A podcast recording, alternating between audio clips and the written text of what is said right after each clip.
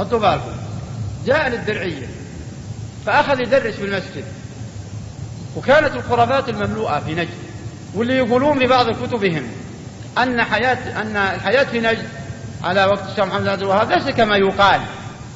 يا بالله عليك وش اللي يضرك عاد لو لو قدر لو سلمنا لك إن نزيد فيها شوي وش اللي يضرك؟ ثم أنت حتى تجي تقول إن إنه ليس كما قيل. والمورخ عن محمد بن عبد الوهاب وحالة نجد هو تلميذه ابن غنام. أي أخوان تلميذه اللي معاصره ولا اللي, اللي جاي دارس من هنا ومن هنا ويجي يحاول الحط من دعوة الشيخ ولكن ما يدري من أين يأتيها. فيكتب في حياة الشيخ محمد بن عبد الوهاب يا سلام هالعنوان. في في حياة محمد بن عبد الوهاب. ثم يغلفها ويدخل فيها الهبوط منها بقوله ليست الحياة كما قيل زينة طيبة. يعني معناه أن محمد معتدل معناه أن ابن غنام يكذب.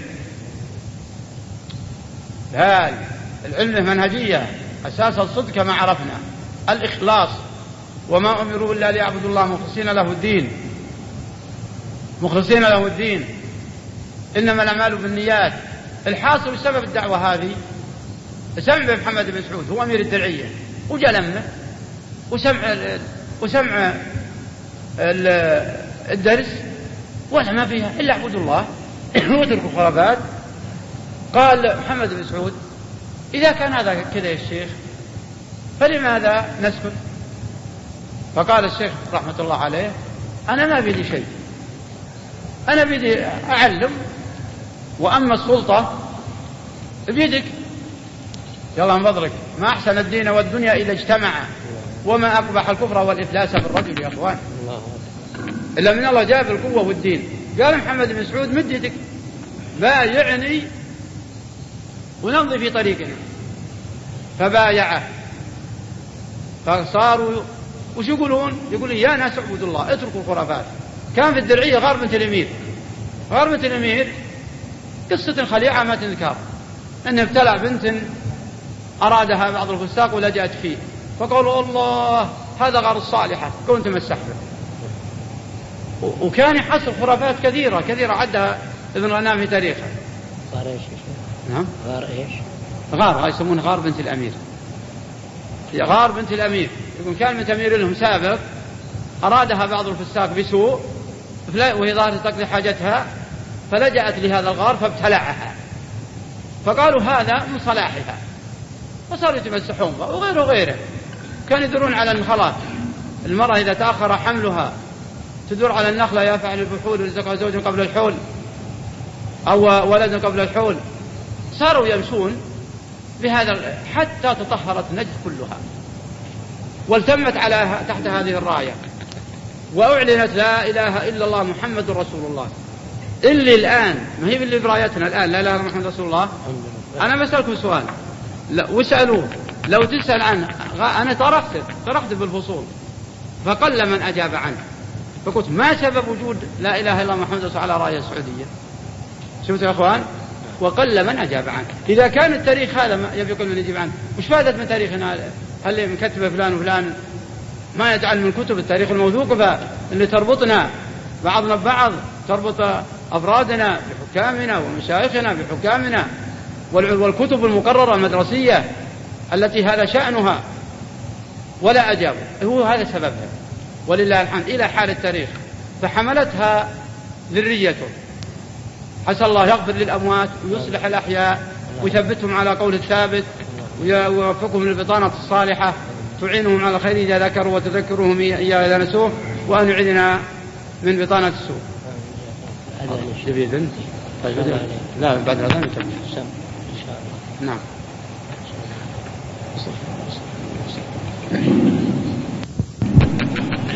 ربنا آخر نقطة حقيقة أن راح التوسع عليها مسألة الحفظ. فالحفظ من أكبر وسائل وسائل لتحصيل العلم. من أكبر الوسائل. وأن يتأكد على الأولياء أن يحفظوا أولادهم جزءا من شيئا من القرآن ليعرفوا أن يصلوا به. وهل يستمر قبل البلوغ ولا يبدونه في العلم؟ قال العلماء قبل البلوغ يستحب التركيز على القرآن. وبعد البلوغ يعطى يبدأ به بالعلم هذه الخلاصة. لأجل أنه يعرف ما يجب فيفعله ويعرف ما نهي عنه فيجتنبه لأنه مطالب مكلف. وهذا في الواقع مراحلنا مرتبة على هذا مراحل التعليم عندنا. مراحل التعليم عندنا. وكان التعليم كانت المنهجية جيدة في نقطتين. أولا في الخطة أي في في كمية الحصص المخصصة للشريعة وعلوم اللغة. أراد أريد نقصها فصمد بعض المسؤولين جزاهم الله خيرا أن الحصص ما تنقص. جو من طريق ثاني تغيير الأسلوب في الكتب. الكتب قديمة. سبحان الله العظيم. قديم الكتب قديمة. كلام العلماء اللي يتكلمون بالعربية. بكل فصاحة وحنا هذا ندعو. وها نحن ندعو لأن تعلم ابنائنا اللغة العربية أن نقول كتب قديمة. لما دخل التأليف في المقرر في الكتب المقررة في الابتدائي والمتوسط الثانوي في الحقيقة لا حتى في الكليات في الكليات. ضاعت المعلومات. لأننا أضعنا منهجية عظيمة. ومن المنهجية التي يتحصل بها طالب العلم أن يدرس على من يثق به حتى يغلب على ظنه أنه تحصل على جزء كبير. يعرف كيف يرد على الكتب ويأخذ ويعرف كيف يخرج. هذه منهجية طلب العلم. وإن هو درس على نفسه وأخذ الكلام من الكتب لا من معلم فإنه مآله إلى الضياع وإلى أن يضيع غيره. ما في أحد نجح من دون موجه. ممن عرف توجيهه أنه سليم أيضا. ولا إذا كان توجيهه سيء يهرب عنه. فلا بد من هذه المنهجية. ولا يعد الإنسان أنه طالب علم كونه يأخذ من الكتب يفتح هذا الكتاب ويأخذ منه جزئية ثم يفتح الكتاب الآخر ويأخذ منه جزئية. وهو لم يتتلمذ على من سبقه. على من سبقه. ولم يعرف معظم القواعد على من سبقه. والتوجيه على من سبقه. وقد نص على هذا العلماء السابقون. ليس بدعا في الوقت الحاضر. ومن غاير هذه المنهجية ثبت الخلل فيه. في ناس تقدموا. من هم فحول لكن لم يسلكوا الطريق. ومن المنهجية لتحصيل العلم أيضا أن يجد ويجتهد في طلب العلم ولا يتباطأ ويتثاقل وليعرف أن الله أعد له الثواب العظيم بمجرد جهده واجتهاده ولو لم يحصل علم. لحديث من سلك طريقا يلتمس به علما سهل الله له به طريقا إلى الجنة. فالوعد بالجنة جاء لمن سلك الطريق ولم يرتب الرسول عليه الصلاة والسلام الجنة لمن حصل العلم. وهذا لطف من الله لأن التحصيل بيد الله. ولو لم يأتي لك يا طالب العلم إلا أن الملائكة تضع أجنحتها. ولو لم يأتك إلا أنك إلا أن الفقيه أفضل من ألف عابد. المتعلم أفضل من ألف عابد. ف ولا ولو لم يأتك إلا أنك إذا سلكت المنهجية في طلب العلم الشرعي أرضيت الرحمن وأغضبت الشيطان. ولهذا يغتر كثير من المسلمين بالعباد أو بمظهر أو بمظهر آه، بعض الالتزام آه، لالتزام بعض الأمور التي حصلت مخالفتها في وقتنا الآن. فوفق بعض الأفراد ولله الحمد وتركوها ونقول نعم وطيب وهذا أمر جيد ترك مخالفة الرسول. لكن لا نغتر بهذا بأنه أصبح طالب علم. بعد ما كان يحلق لحية تركها نقول جيد هذا زين. لكن هل نقول أنه طلب علم وخلاص لا لا بدل ما كان مسبلا ثوبه أصبح يعني جعله على الكعب. نجي نقول هذا خلاص التزم صار طالب علم. ولا يصح له هو أيضا وأشكاله أن يقول أنا ملتزم. الالتزام صعب. الالتزام ما في شك أنه يحتاج الكلمة ما هي بسهلة.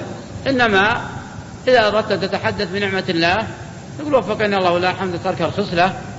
وفقني الله لمجالسة العالم الفلاني. ولهذا أكثر من, من التزم جزاهم الله خيرا وثبتنا الله وإياكم وإياهم.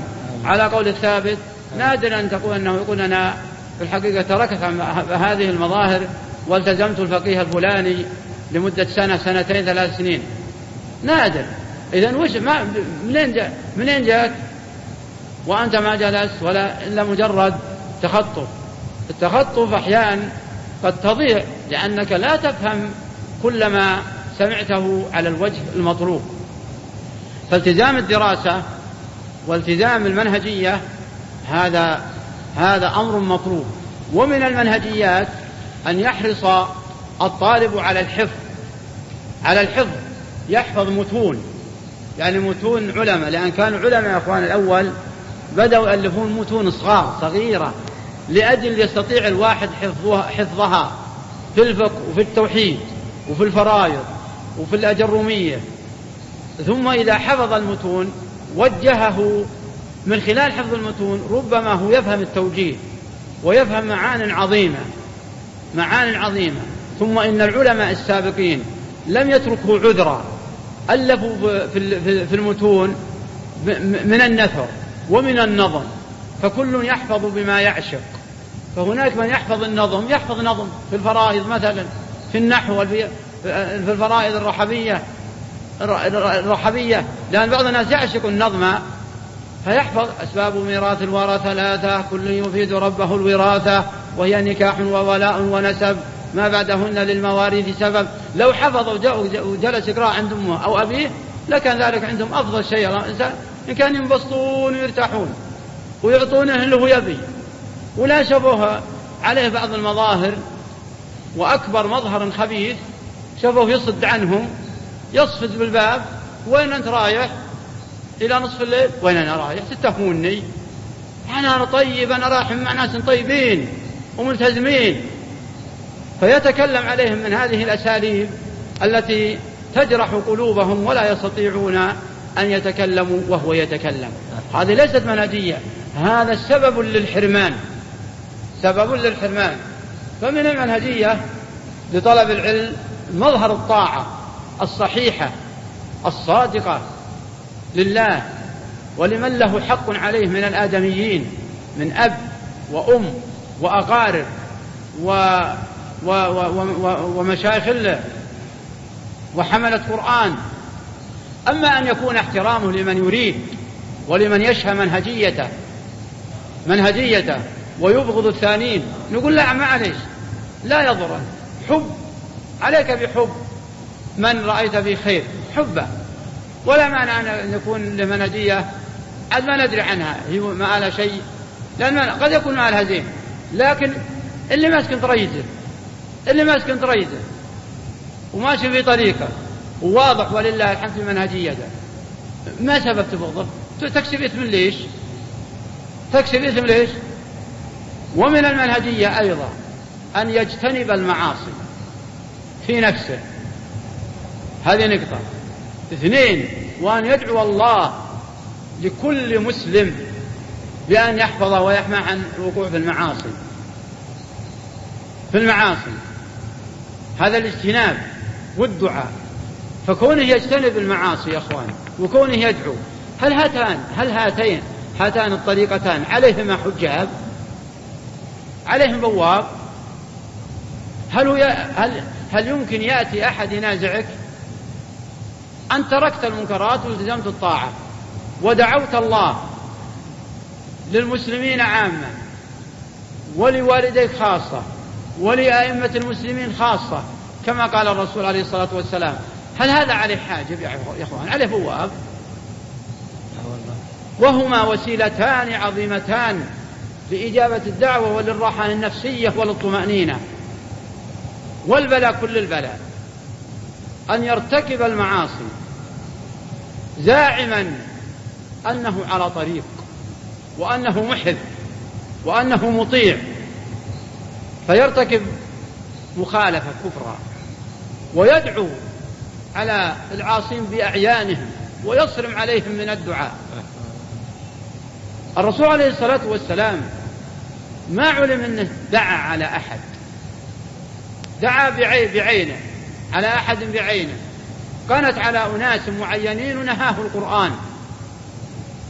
وقال لجبريل اطبق الأخشبين على كفار قريش؟ قال لا اللهم اهد قومي فإنهم لا يعلمون.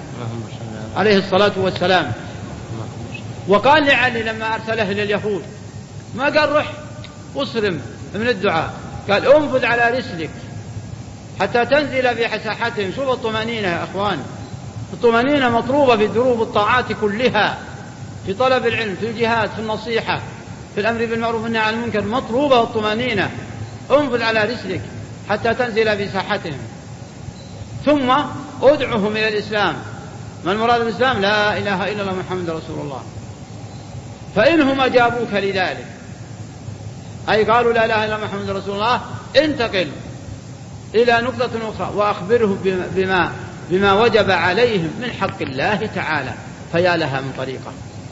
من أعظم وسائل تحصيل العلم أن وتحصيل الدعوة أن تمسك هذين الطريقين وهذين الأصلين المذكورة في قوله تعالى قل هذه سبيلي أدعو إلى الله على بصيرة. أنا ومن اتبعني. وسبحان الله وما أنا من المشركين. ذكر محمد بن عبد الوهاب فيما ست مسائل الآية. الأولى منها وجوب الإخلاص لله. لأن هناك من يدعو لكن مو لله لنفسه.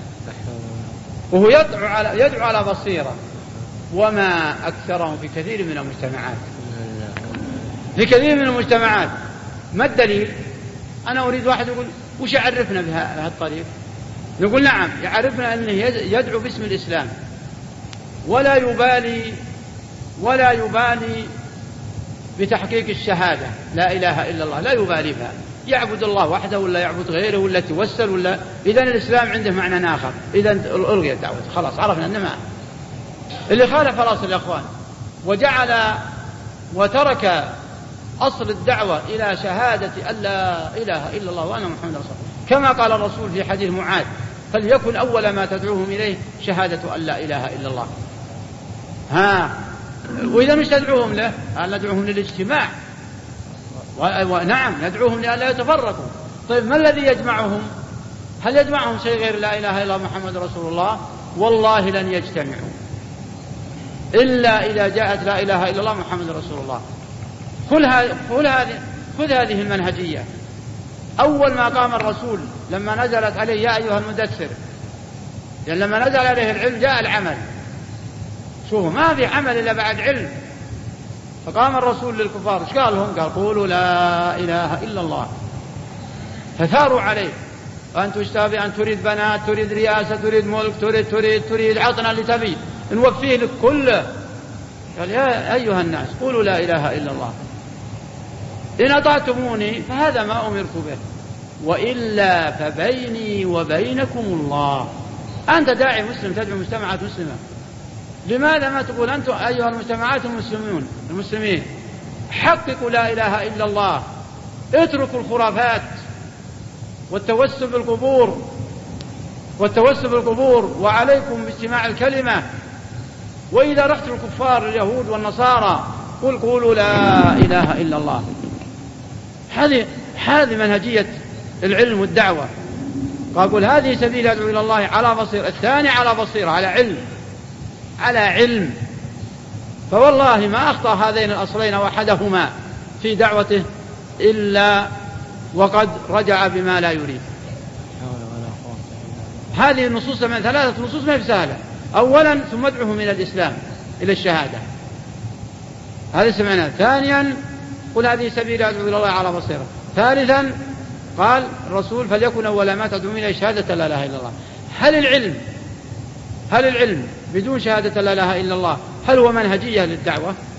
أو منهجية للتحصين؟ طبعا الظاهر كلكم تقولون لا. أو ما سكتوا تقولون بلى أحد يقول بلى لا أحد يظن. لماذا؟ لأن الرسول عليه الصلاة والسلام قال إنك ستأتي قوما أهل كتاب أهل علم. لماذا؟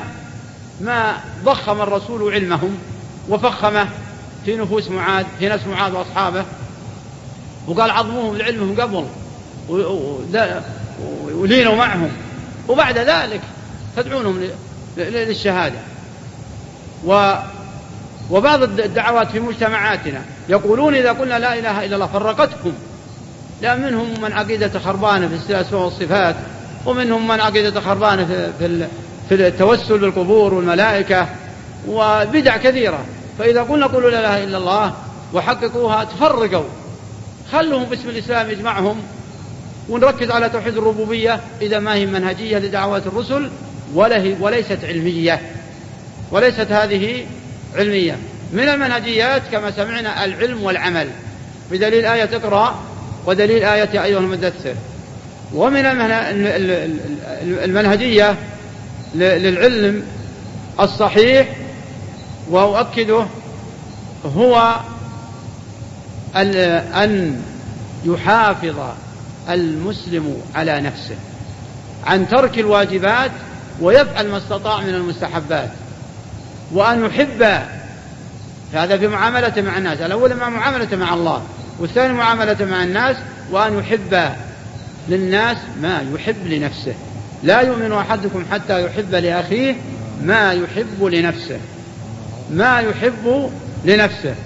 وأن يكره وأن يرضى ما رضي لنا به رسول الله صلى الله عليه وسلم.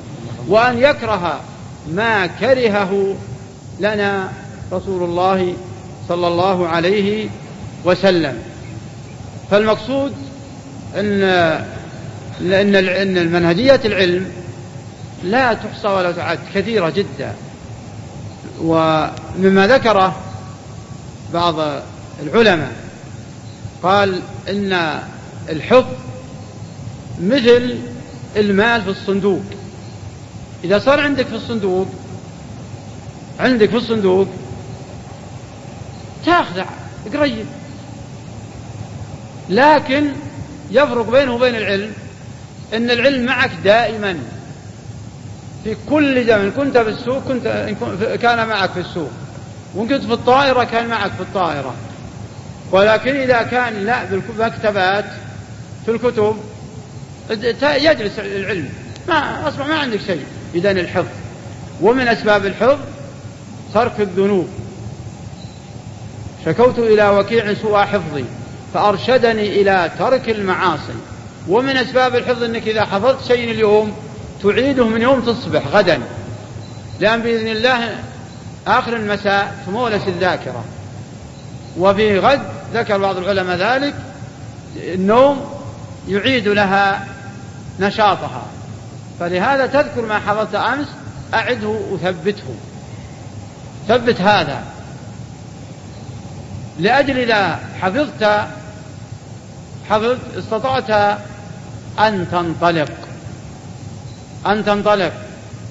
ومن الواقع اللي يحمل الإنسان على حب المنهجية ويجب أن يدورها أن يقدر العلم. فإذا عرف قيمة العلم بحث عنها. إذا ما عرف قيمة العلم ما بحث عنها. تعلم فليس المرء يولد عالما وليس أخو علم كمن هو جاهل وأن كبير القوم لا علم عنده.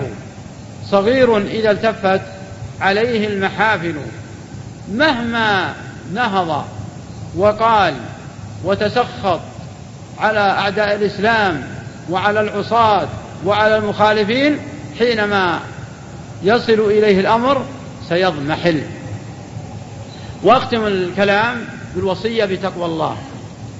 الوصية بتقوى الله وسؤاله بأن يعلمك ما لم ما لم تعلم وأن يوفقك للعمل بما بما علمت. وأن تقوم بحق الله ما استطعت. ومن حق الله أن تقوم بحقوق خلقه. ولخلقه عليك حقوق. تختلف درجاتها. أعظمها حق الوالدين.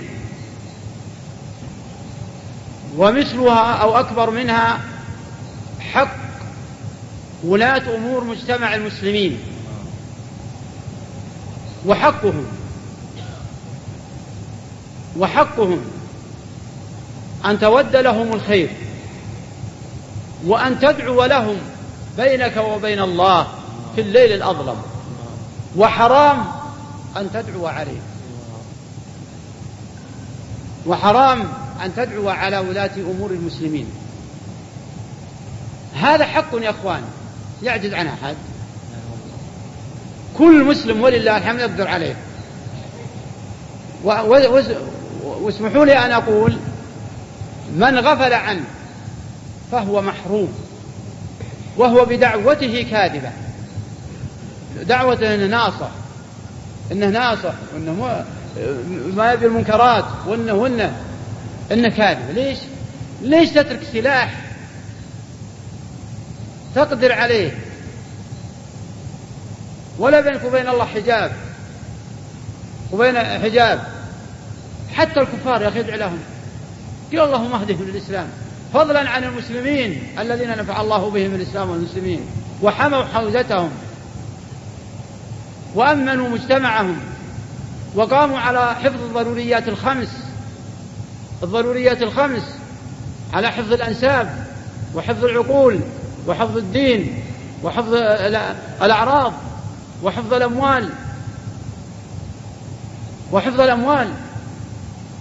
فهذه فهذا إذا رأيناه غائر نتوقف وننصحه وننصحه.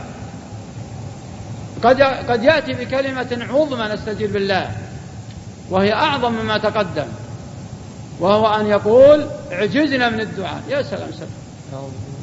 يا إخوان هذه كلمات سمعتها وخطبت بها وهي تنبع من جهله. إذ لو كان عاقلا صحيح ما قال عجزت؟ هل تعلم ما عند الله؟ هل تعلم ما عند الله؟ هل أيست من الله؟ هذا يأس يأس. فلا تظهر هذا الكلام ولا تعتقده لأن الله سبحانه لا يخيب دعاء مسلم إذا جاء على الوجهة الشرعية.